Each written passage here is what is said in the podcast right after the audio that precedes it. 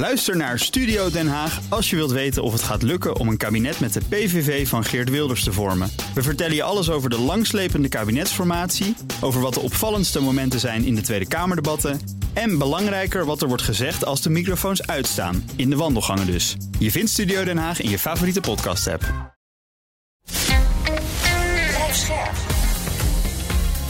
BNR Nieuwsradio. Boekenstein en de Wijk. Hugo Reitsma. Welkom bij Boekenstein en de Wijk. Het is maandag dag 684 van de oorlog in Oekraïne. Van het front niet zoveel nieuws, denk ik, hè Rob? Totaal niet. Behalve dat bij Marinka, dat ligt in de Donetsk Oblast, uh, de Russen iets terrein hebben gewonnen. Maar dat mag geen naam hebben. Uh, wat dan wel weer uh, opmerkelijk is, is dat die mailbloggers, die, die, Russische mailbloggers, dat is toch een interessante bron van ehm, van informatie hoor. Uh, die hebben veel kritiek op de hogere legerleiding. En die zeggen nu, je moet echt veel beter uh, gaan plannen.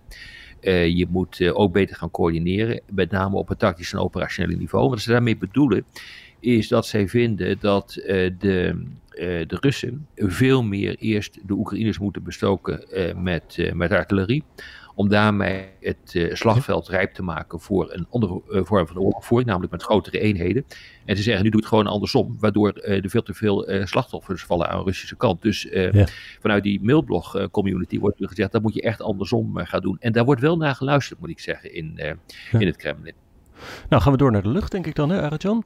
Ja, we moeten misschien met dit weekend beginnen, hè, met die aanval van Oekraïne op de Krim. Uh, op een munitiedepot, op een vliegveld. Wat was het nog meer, Hugo? Jij zag het ook. Uh, inderdaad, vliegveld bij Saki, munitiedepot twee stuks bij steden met de onuitspreekbare namen. Een luchtverdedigingsradar, een communicatiepost en een commandopost bij Sebastopol. Rusland meldde ook dat het in dit weekend meerdere Oekraïnse drones en raketten heeft onderschept boven de Zwarte Zee. En overigens nog uh, gerucht, niet meer dan een gerucht, was dit weekend dat bij die aanvallen uh, Gerasimov, de Russische chef-staf, zou zijn omgekomen. Oh ja. Maar de Oekraïnse militaire inlichtingendienst die zegt het niet te kunnen bevestigen en een of andere Rus die ontkent het. Het zal wel niet, maar het was uh, nou, geruchtencircuit. Okay. Ja, nou, vandaag ja, was als je toch gewoon kijkt wat er de afgelopen weken is uh, gebeurd. Ja, alleen al afgelopen week 300 raketten, 200 drones. Uh, op, uh, op Oekraïnse doelen neergekomen. 120 doden en 480 gewonden volgens Zelensky. En inmiddels zal het tellen waar we zijn uh, opgelopen. Dat is echt wel een ommezwaai hoor in, in het conflict. Ja, zeker. Want als je, sinds 90 december is er 120 Oekraïnse burgers gedood en 480 gewonden.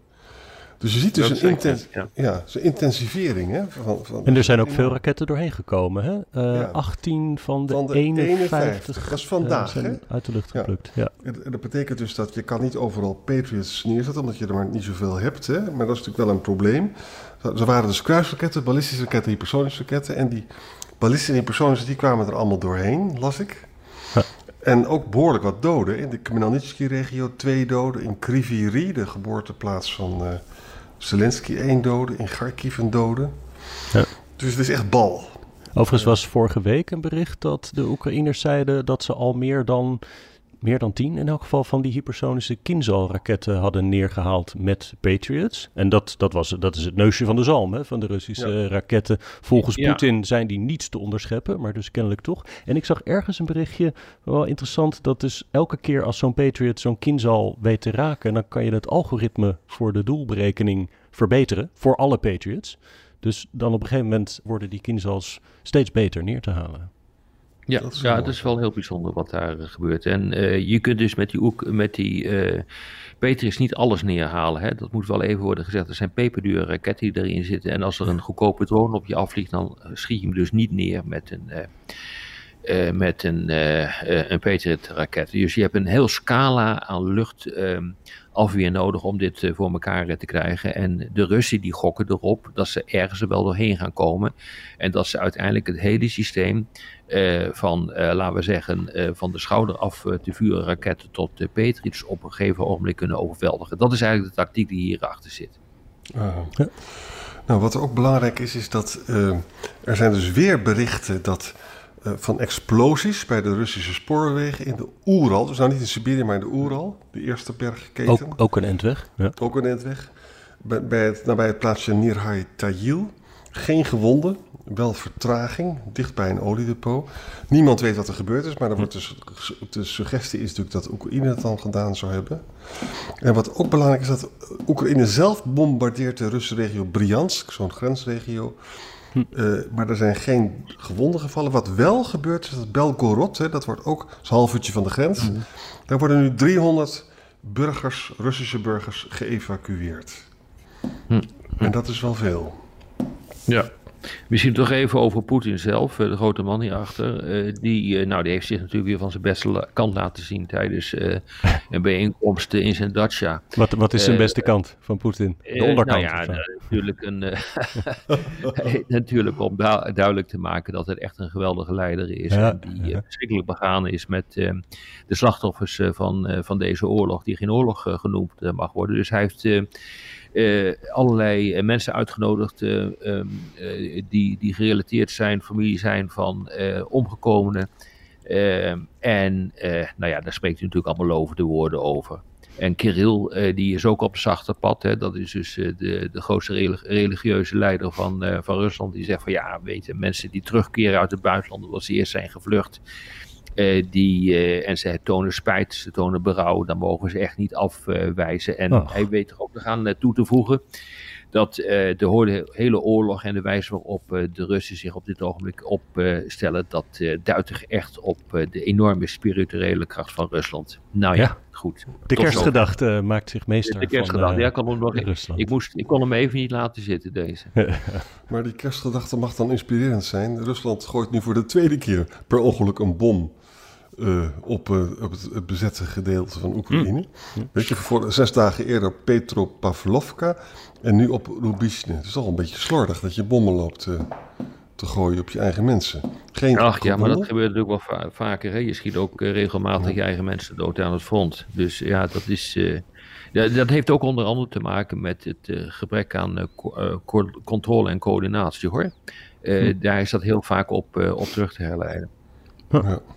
Arjan, je had nog wat cijfers over die Zwarte Zee-corridor. Dat was wel interessant. Ja, dat is, vind ik interessant. Dus nu vijf maanden maken ze gebruik van die Bulgaarse en Roemeense kustcorridor. Hè? Er zijn nu 469 schepen doorheen. Oftewel 15 miljoen metric tons. Dus dat is, betekent Aan dus... graan uh, waarschijnlijk. Ja. Ja. Nou, maar ook andere dingen. Niet oh. alleen uh, landbouwproducten. Dus Oekraïne verdient. We hebben wel eens hele zwarte scenario's gehad dat we dachten: ja, god, dan, kan, dan bloedt Oekraïne dood. Maar er wordt wel geld verdiend via die route. Oh. En dat is, uh, dat is over, over geld verdienen gesproken. Uh, er is nu een deal gekomen tussen uh, de nieuwe Poolse regering en de boeren. Ja. Oh ja. Uh, landbouwminister Sikirski is uh, aan de gang gegaan. Uh, wat ik wel opmerkelijk vond, is dat de nieuwe regering ook vraagt aan de Europese Unie om restricties op te leggen voor de import van eieren, kip en dat soort zaken uit Oekraïne. Dus het is absoluut niet zo dat deze regering nu op dit ogenblik zegt van oké, de boeren ophouden met zeuren, dit is niet terecht wat jullie zeggen. Ja, ja, ja. Dit is de nee, nieuwe regering van Tusk. Dan, dit hè? is de nieuwe regering. Natuurlijk komen er allerlei bezwerende maatregelen om die boeren een beetje rustig te houden, zoals subsidies op mais. de landbouwbelastingen gaan niet omhoog. het kunnen lenen wordt versoepeld. Maar ze zien ook wel in, en dat is natuurlijk toch wel een punt waar je echt rekening mee moet houden. dat, dat die boeren ook onder druk worden gezet door gewoon oneerlijke concurrentie vanuit Oekraïne. En dat is iets wat de Europese Unie niet over zijn kant kan laten gaan. Dus dit heeft nog wel een staartje hoor. Ja, overigens is er wel een akkoord dan met de boeren, maar nog niet met de vrachtwagenchauffeurs. Hè? Dus die blokkeren ja. nog van alles. Ja. Exact. De Japanse minister van Buitenlandse Zaken, mevrouw Yoko Kamikawa, is op bezoek in Polen. Uh, bij Sikorski en de president natuurlijk in Warschau. En uh, Japan doet veel in Oekraïne. Ze heeft zondag heeft ze, haar bezoek aan Polen even onderbroken door naar Oekraïne te vliegen om haar uh, medeleven te betuigen. En, maar Japan geeft ook geld, hè? 70 miljoen dollar naar het NATO Trust Fonds van hoe kan Oekraïne dan drones kan detecteren, die detectiesystemen. Dat is natuurlijk heel erg nuttig. En uh, dat is interessant, hè? Japans-Poolse samenwerking. Ja, Japan valt, uh, vangt ook zelfs wat Oekraïense vluchtelingen op, heb ik wel eens gelezen. Niet heel veel, maar doen ze ja. het maar. Ja. ja. Uh, andere dingen of gaan we door naar Israël? Israël. Israël, ja, laten we maar doorgaan. Nou, kom maar op. Nou ja, de grond, uh, zelden laken en pak. Ook niet uh, ontzettend veel uh, te melden, behalve dat dat Israël nogmaals weer eens een keer heeft benadrukt uh, dat er uh, enorme vorderingen zijn gemaakt in het uh, noorden. Twaalf Hamas-bataljons die zijn daar ontmanteld, zoals dat dan heet. De militaire structuren van Hamas die zijn daar kapot gemaakt. Dus dat betekent dat in belangrijke mate in dat deel van de Gazastrook de gevechten kunnen worden teruggeschaald. En het gaat nu alleen nog maar om hele doelgerichte aanvallen op specifieke elementen van Hamas die daar dus nog zijn. Um, wat we ook nu weten is dat Israël daar een bufferzone wil inrichten in het noorden. Eh, dat is natuurlijk op zich wel eh, begrijpelijk, omdat ze dan misschien ook gevrijwaard kunnen worden eh, van directe dreiging tegen het eigen grondgebied. Maar de grote vraag is natuurlijk, ga je dan ook die bufferzone aanleggen aan de andere kant van de muur die er al is, langs de hele Gazastrook aan bijvoorbeeld de oostkant, zeg het maar. Dat is hmm. wel een belangrijke vraag. Beneden in Kanyunis uh, gaat het ook gewoon door de clearing-operaties. Dus om het, het, gebied schoon te vegen van hele Hamas-groepen. maar dat gaat door. En wat ik een opmerkelijk uh, ja, bericht vond, is dat die Hamas-strijders. En Hamas in algemene zin, die komt pas met zijn successen als de strijders zijn teruggekeerd. Dus dat, dat zou erop kunnen duiken, duiden eh, dat de communicatie binnen de Gazastrook tussen de strijders en de hogere levenleiding van de Hamas niet meer 100% is. Dus dat die hele hm. commando en controle, zoals het in het uh, jargon heet, in belangrijke mate gesloopt uh, is. En dat is precies wat Israël wil. Huh. Ze hebben opnieuw gezegd nu van het is een nieuwe fase hè? en het wordt nu allemaal wat uh, gerichter, de aanvallen, en wat minder ja. uh, grootschalig. Natuurlijk om tegemoet te komen aan de de kritiek over de ellendige humanitaire situatie daar en het enorme dodental.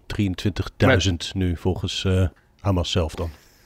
Exact, maar er wordt ook een uh, winstwaarschuwing gegeven, om maar zo te zeggen. Uh, Vice-admiraal Hagari, dat is een woordvoerder van Defensie, die heeft al gezegd van ja, dit gaat nog heel erg lang duren. datzelfde geldt ook een voormalige baas van de militaire inlichtingendienst, generaal-major Jatlin.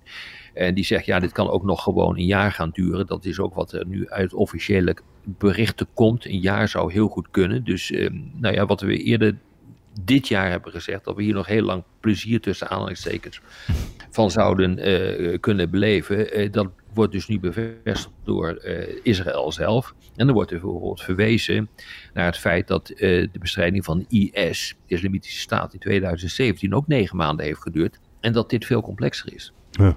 Ja. Um, het is heel benieuwd, ben ik eigenlijk wat Blinken daar nou precies over zet. Die is vandaag in Qatar, hè? Ja, gisteren in Jordanië en hij gaat nog door naar de Emiraten, volgens mij. En in de gezamenlijke persconferentie hè, met die Qatarese emir...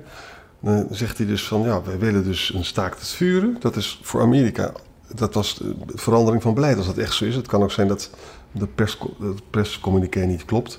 Maar goed, staakt het vuren, meer humanitaire hulp en de gijzelaars vrij... Ja, ik weet het niet. Ik, ik denk dat uh, Amerika nog steeds uh, Israël een beetje tijd geeft. Maar de druk wordt wel steeds hoger.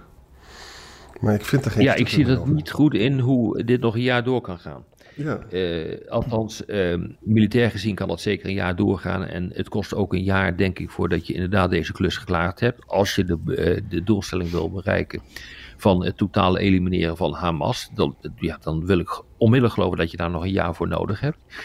Maar dat zal de internationale gemeenschap gewoon niet accepteren. Amerika accepteert het niet, eh, de Europeanen accepteren het niet. Uh, nou ja, goed, uh, China, daar horen we niet zoveel van, maar die zal het ook wel niet accepteren. Dus ja, dit is wel, begint wel een probleem te worden hoor, voor, ehm, voor Israël, voor het kabinet. Ja, we kunnen het ook een beetje verbinden met een aantal gebeurtenissen. Want dat is een beetje een stokpaardje van, maar ik vind het toch belangrijk. Uh, je zou kunnen zeggen, het Westen is kritisch op Israël, maar dat is in China, India, Afrika en Latin nog, nog veel erger. Hè? Neem de Jordaanse koning Abdullah, die is vandaag bij, in Kigali, in Rwanda, bij de herdenking van de genocide. Blinken was er ook even. Uh-huh. bij, en dan staat hij bij dat Kigali Memorial, ik ben er ook zelf geweest. Van Israël heeft een hele generatie wezen gecreëerd, zegt hij dan. Meer dan 30.000 gedood of vermist. Nou, dat, is, dat resoneert natuurlijk heel erg in de, in de, in de niet-westerse wereld. Hè? Hm. Dat wordt gewoon, nou, als je dat nou verbindt met, het, met, met dat Zuid-Afrikaanse initiatief om de International Court of Justice eh, in te schakelen. En Ja. daar vond ik ook een artikel over dat eh, Zuid-Afrika, die eh, krijgt dus heel veel credits daarvoor van China en ook van India. Want die zijn heel erg kritisch op, op Israël. Dus wat je gewoon ziet hier is dat eh, Israël eh, enorm veel eh, goodwill verspeelt in de niet-westerse wereld. Hè? Ja, het ging dus om een, een aanklacht wegens genocide hè, bij het internationaal Ja. gerechtshof in, eh, in Den Haag. En volgens mij moeten die komende week daar iets over gaan zeggen. Ja. Ja, klopt. Ja. Ja. En Israël heeft dus de vorige eh, president van het eh court, het Supreme Court, daar naartoe geschoven, meneer Ab- Abarak. Aha- Aaron Barak. Eh dat was wel saillant natuurlijk, want eh, Netanyahu wilde dus de bevoegdheden van de gerechtshof eh, verminderen, maar goed. Ja, dat gaat, dit, dit gaat een grote rol spelen. En, en heel veel internationale journalisten zijn er natuurlijk bij betrokken. Eh, er wordt ook gezegd over dus dat de speelt allemaal oud zeer ook. Hè? De, de chief rabbi en de Jewish Board of Deputies in Zuid-Afrika... die waren erg close met het apartheidregime. Dat is voor de ANC natuurlijk, die zijn, die zijn dat niet vergeten. Hè? Hmm. En het ANC-regime is altijd heel erg pro-Palestijns geweest. Dit even als achtergrond van waarom dit allemaal eh, gebeurt. Volgens mij is genocide wel heel moeilijk eh, te bewijzen. Hè? Heb ik wel eens Ja, begrepen. Dat, dan, dan moet je echt aantonen dat het de bedoeling is om een hele bevolkingsgroep uit te moorden. En dat dat, dat ook echt het plan is. Nou ja, ze ze zullen ongetwijfeld dan eh, wijzen naar, eh, ze zullen ongetwijfeld wijzen naar eh, Israëlische politici die dat ook gewoon hebben gezegd. Die hebben gezegd van eh, die Palestijnen Ja. die moeten het land uit. Dus ook een van de, de punten die Blinken maakt. Dat gaat dus niet gebeuren. Als je dat koppelt aan de bombelementen, dan zou je misschien nog zo'n punt kunnen maken. Maar ik ben heel benieuwd eh, of dat kan. Waarschijnlijk niet omdat eh Netanyahu, de premier, die heeft zichzelf daarvan gedistanceerd. Overigens is het wel interessant, hè? je noemde net, eh Arjan, eh, die discussie die in Zuid-Afrika loopt, maar in Amerika loopt die ook. Ja, Hè, daar, eh, een, ehm, daar blijkt nu dat bijvoorbeeld binnen de vakbonden, die zijn er nog steeds erg sterk, actievoerders zitten die zeggen van de, de, de, de vakbonden die moeten ook Israël veroordelen, we moeten er afstand van nemen. En wat hier speelt, en dat zie je ook in Nederland, is generatiewisseling. De jongere generaties, eh, die bijvoorbeeld nu ook eh, volgens mij aan het eh, demonstreren zijn en vragen aan de regering eh, eh, voor een, om een staakt te vuren. Dat zijn dus ambtenaren die onder andere ook werken bij het ministerie van Buitenlandse Zaken. Wat dus opmerkelijk is. Maar kennelijk de jonge generatie, die zit er absoluut niet mee. Die hebben ook de Oslo-akkoorden niet meegemaakt. En die gaan uit van humaniteit, wat op zich niet slecht is om daarvan uit te gaan. Eh, maar die eh, denken dus niet om de machtspolitieke constellatie die erachter zit, maar puur humanitair. Ja. En dat is wel interessant dat dat op dit ogenblik eh, gebeurt. En het zou mij ook niet verbazen als dit over de hele wereld het geval is op, op dit ogenblik. Dat mensen zeggen van oké, we erkennen dat Israël zichzelf mag verdedigen. Maar het moet wel een klein beetje binnen de perken zijn hoe je daarop gaat reageren. Ja, is natuurlijk denk ik ook een, eh, een, een- verminderd schuldgevoel over de holocaust, toch? Want dat, dat maakte natuurlijk Oh, dat in de jaren zestig was zeker linkse mensen, die waren allemaal enorm pro-Israël. Van, vanuit dat sentiment, want dat was het slachtoffer. En Dat tegenwoordig verdwenen. Dat is verdwenen. ja, is, dat, is dat helemaal andersom. Helemaal. Helemaal mee eens. Na een paar generaties is dat argument eh, uitgewerkt. En nu wordt Israël, en dat is ook een kwestie van emancipatie, eh, nu wordt Israël gewoon gezien als een normaal land. Dat zich in de ogen van veel mensen gewoon aan de regels moet houden. Ja. Ja. Eh, er is opnieuw een Hezbollah-commandant gedood, zag ik, hè? Een belangrijke figuur. Ja, even kijken. Zijn naam is Wissem Al-Tawid. hè? Vandaag gebeurd. Eh dit was een reactie op Hezbollah die zaterdag dat luchtverkeerbasis in Noord-Israël bestookte. En dat was weer een reactie op die eh, doden door Israël van Saleh Arouri in Beirut. Nou, wat, wat, ik, wat ik denk erop, wat er nog steeds aan de hand is, dat het beperkte eh, re- reacties zijn van Hezbollah. Hè? En dat betekent dus, het zijn, waren overigens 60 raketten wel hoor, zaterdag. Maar dat betekent dus dat, dat Nasrallah was ook niet heel agressief in zijn speech. Hè? Nee. En dus ik, ik denk dus dat Israël denkt dat ze daarmee weg kunnen komen. En dat het dus een beperkte reactie blijft. Maar ja, hoe lang dat zo zal zijn. Ik weet het niet. Ik weet het niet. Ik, er, zijn wel, er is een goede brug naar uh, Iran. Uh, want Hezbollah loopt natuurlijk aan de leiband van Iran. Uh, Hezbollah is door Iran altijd gezien als de eerste afschrikking voor, een, voor Israël. Ja. dus op het moment dat Israël iets van zin zou zijn in, in Iran. En daar een oorlog tegen zou beginnen. Hoe ze dat zouden moeten doen is mij een raadsel. Maar daar zijn de Iraniërs nou eenmaal bang voor. Met name de Ayatollahs. Ehm, dan zullen zij uh, Hezbollah uh, de opdracht uh, geven om Israël aan te vallen. dus um, dat is, laten we zeggen, een onderdeel van de afschrikkingsstrategie van, van, van, van Iran. Wat er nu op dit ogenblik aan de hand is, is toch wel interessant. en ook wel verontrustend.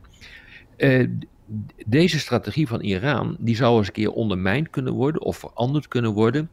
nu duidelijk is geworden dat Iran echt enkele weken af is van de productie van een atoombom. Hm. En eh, ik weet dat het allemaal eh, weer gevoelens oproept als ik het heb over atoombommen. Maar de Amerikanen die maken zich hier grote zorgen over. Eh, want eh, de Iraniërs hebben nu aangegeven, in december al, dat er sprake zal zijn van een drievoudige versnelling van de verrijking van, wat is het, uranium. uranium. Uh, waarmee je kernwapens kan maken.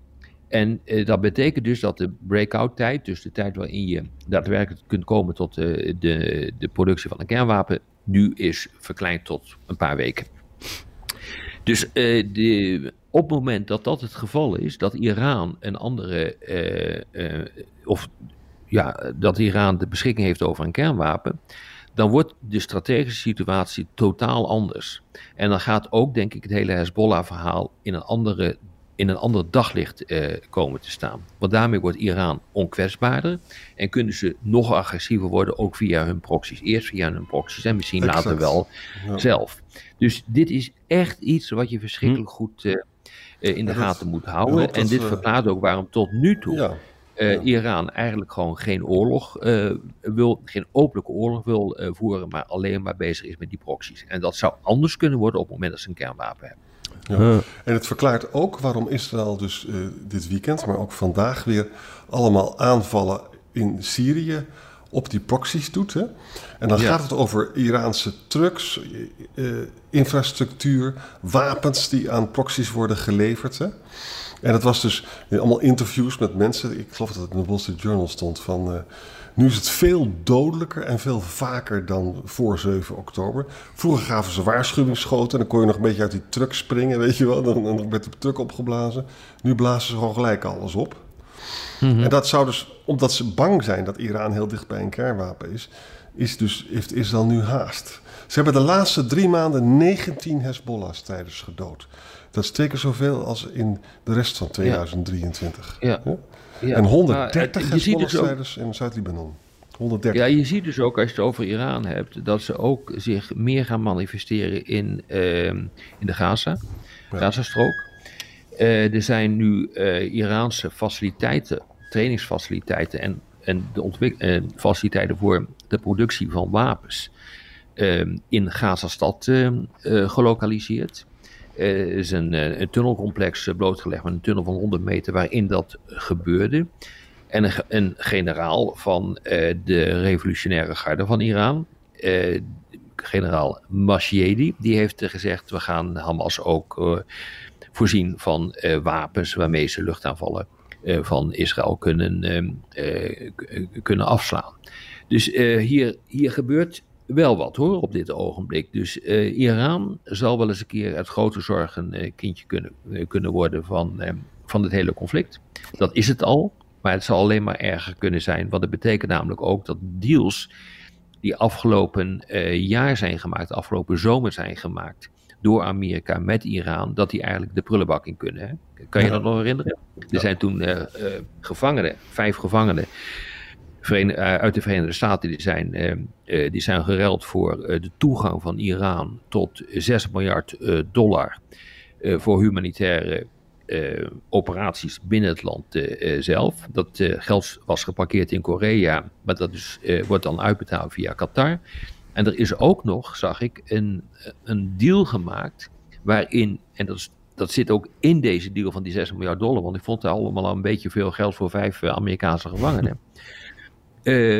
die deal heeft ook te maken met het feit dat Iran in ruil voor die 6 miljard zijn strijdgroepen, zijn proxies onder controle zou houden en de verrijking van uh, uranium zou beperken.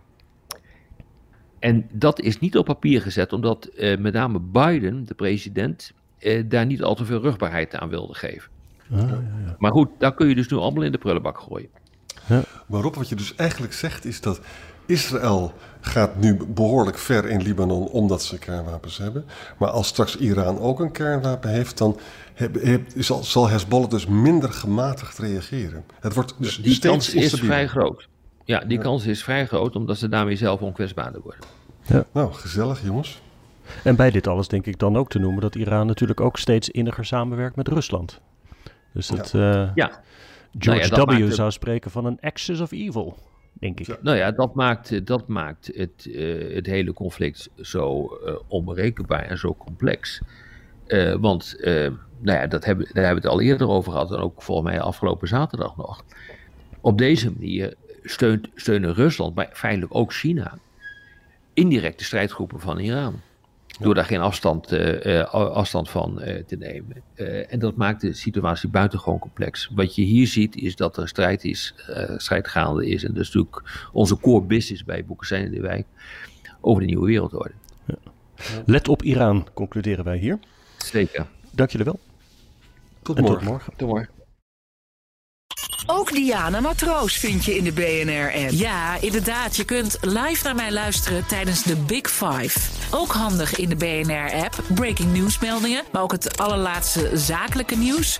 En je vindt in de app alle BNR-podcasts, waaronder Wetenschap Vandaag. Download nu de gratis BNR-app en blijf scherp.